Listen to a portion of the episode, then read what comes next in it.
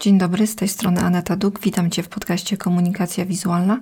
Rozmawiamy tutaj o projektowaniu graficznym mocno osadzonym w strategii marki.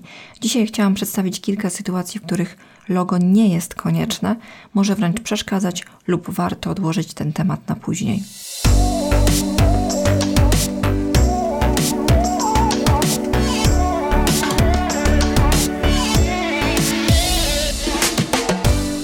Powszechny jest dzisiaj trend wykonywania logo do wszystkiego. Każdego przedsięwzięcia, każdego ruchu, każdej mini usługi.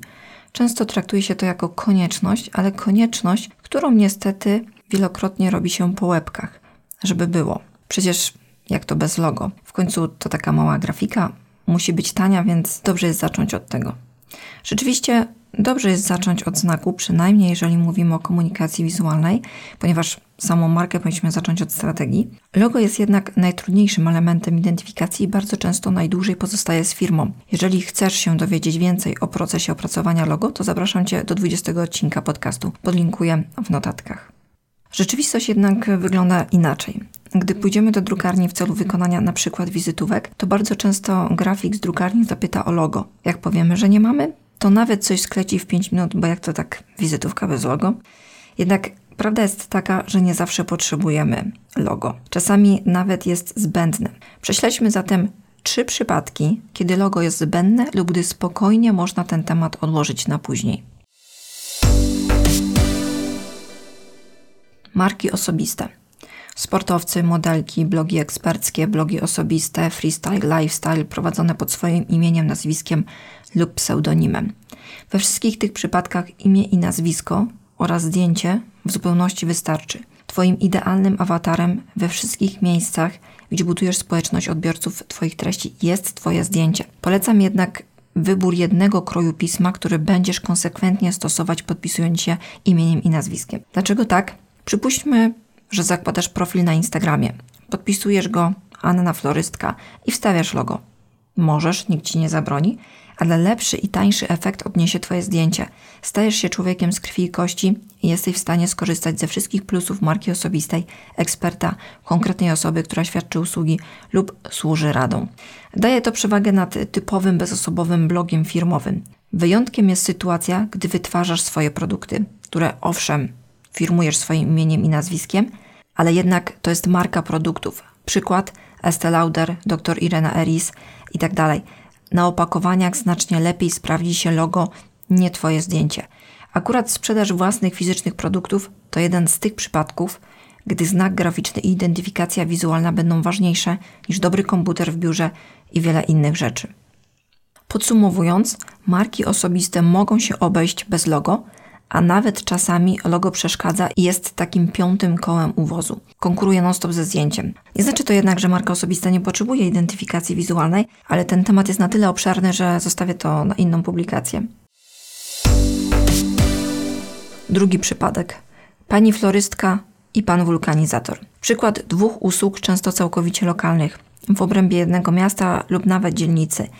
Zakład lub pracownia znane są głównie z ich właścicieli oraz lokalizacji pan wulkanizator, który być może ma nawet swoich pomocników, ale jest znany jako pan Marek. Wszyscy w okolicy wiedzą, że jadą wymieniać opony do pana Marka. Pan Marek pracuje w zakładzie od 8 do 16. Pracy ma codziennie na 8 godzin. Pan Marek nie korzysta z internetu w celu promocji, nie korzysta z reklam w prasie. Zdobywa nowych klientów pocztą pantoflową. W związku z tym, że nie ma w planach uruchomienia sieci zakładów, więcej zleceń nie jest mu potrzebne. Wykonanie logo nie zwiększy jego rozpoznawalności, a wręcz może ją zakłócić. Oczywiście można się pokusić o identyfikację wizualną dla marki osobistej, ale raczej nie przełoży się to na zyski z działalności. Podobną sytuację mamy z panią florystką, która założyła swoją lokalną pracownię florystyczną. Znana jest głównie ze swojego imienia Ania z tej kwieciarni na rogu. Ania robi piękne kompozycje florystyczne. Wszyscy z miasta są zadowoleni z jej bukietów, wianków itd. Tak Przekazują sobie kontakt. Pani Ania ma zamówienia na bukiety ślubne na kilka miesięcy do przodu. Pani Ania nie jest w stanie obsłużyć więcej klientów. Wielu i tak odchodzi z kwitkiem ze względu na zbyt długi czas oczekiwania. Dodatkowo jej biznes ma charakter lokalny. Pani Ania może rozwinąć swoją kwieciarnię tylko do określonego poziomu, dopóki będzie w stanie bezpośrednio nadzorować jakość pracy swoich pomocników aby jej kwiaciarnia nie straciła charakteru, a także poczucia klientów, że są obsługiwani przez panią Anię. Rozpoznawalność na całą Polskę mogłaby być przydatna tylko w przypadku planów rozszerzenia działalności na sieć kwieciarni. To jednak zmieniłoby całkowicie charakter jej pracy i charakter samej pracowni florystycznej. Pani Ania ma inne plany. Logo nie jest potrzebne pani Ani, wprowadziłoby spore zamieszania, nie poprawi też sytuacji materialnej. Nieco inna sytuacja ma się w większym mieście. Trzy kwiaciarnie na jednej ulicy. Miasto jest duże i fani poszczególnych florystek zamawiają przez Messengera. Dodatkowo poszczególne florystki, chcąc się wyróżnić, prowadzą swoje profile na Instagramie, nagrywają Insta Stories oraz publikują zdjęcia kompozycji kwiatowych. W takiej sytuacji panie albo panowie mają do wyboru pomiędzy dwoma rozwiązaniami – marki osobiste florystów i wówczas w dalszym ciągu nie potrzebujemy logo, ale możemy potrzebować identyfikację wizualną. Chcemy wyraźnie odróżnić się od dwóch pozostałych kwiaciarni. Druga opcja, projekt marki, e, brandu, tutaj nieodzowny będzie znak graficzny, identyfikacja wizualna itd. Tak Trzecia sytuacja. Ekspert, który zaczyna świadczyć usługi samodzielnie w swojej dziedzinie. Bardzo popularny schemat startowania własnego biznesu, który jest mi szczególnie bliski. Jesteśmy ekspertami w jakiejś dziedzinie i postanawiamy świadczyć usługi. Zakładamy własną działalność gospodarczą. Uruchomienie najprostszego zakładu pochłania cały budżet, jaki mamy na rozruch firmy. Dodatkowo jest presja, czy się uda, czy się nie uda. Chcemy zacząć generować pierwsze przychody jak najszybciej. Niewiele ma to wspólnego z dużymi firmami, które otwierają kolejny punkt i z góry zakładają, że nowy oddział nie odnotuje zysku przez najbliższe dwa lata. Liczymy więc każdą złotówkę. Wydajemy pieniądze na rzeczy tak naprawdę konieczne. Pytanie więc, czy identyfikacja wizualna to jest rzecz najpotrzebniejsza? W pewnych przypadkach tak, ale nie w przypadku usług i doświadczonych przez samego właściciela. Zwłaszcza na początku będą liczyły się dotychczasowe znajomości, kontakty i marka osobista przedsiębiorcy. Tylko w przypadku większych budżetów na start działalności, gdzie w planach jest jeszcze szerzej zakrojona kampania reklamowa, identyfikacja wizualna wraz ze znakiem graficznym okazuje się konieczna. W tym ostatnim przypadku bez identyfikacji wizualnej można przepalić sporo budżetu na kampanię. Oznacza to, że efekty kampanii mogą być znacznie słabsze niż można by było się tego spodziewać po zainwestowanym budżecie. Jak tu ładnie przedstawia Maciej Tesławski w swoich książkach, 2 plus 2 może dać 3, a powinno w przypadku skutecznej kampanii dać 5.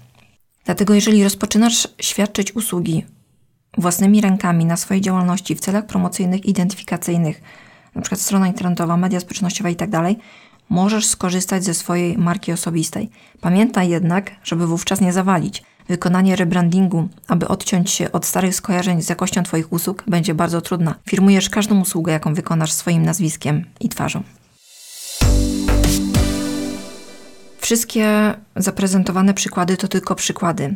Każdy przypadek należy rozpatrzyć osobno. Moim celem w tym odcinku było rzucić światło na to, aby nie patrzeć na to, co ktoś ma, tylko przeanalizować swoją sytuację, swoją działalność i przemyśleć własny pomysł na markę.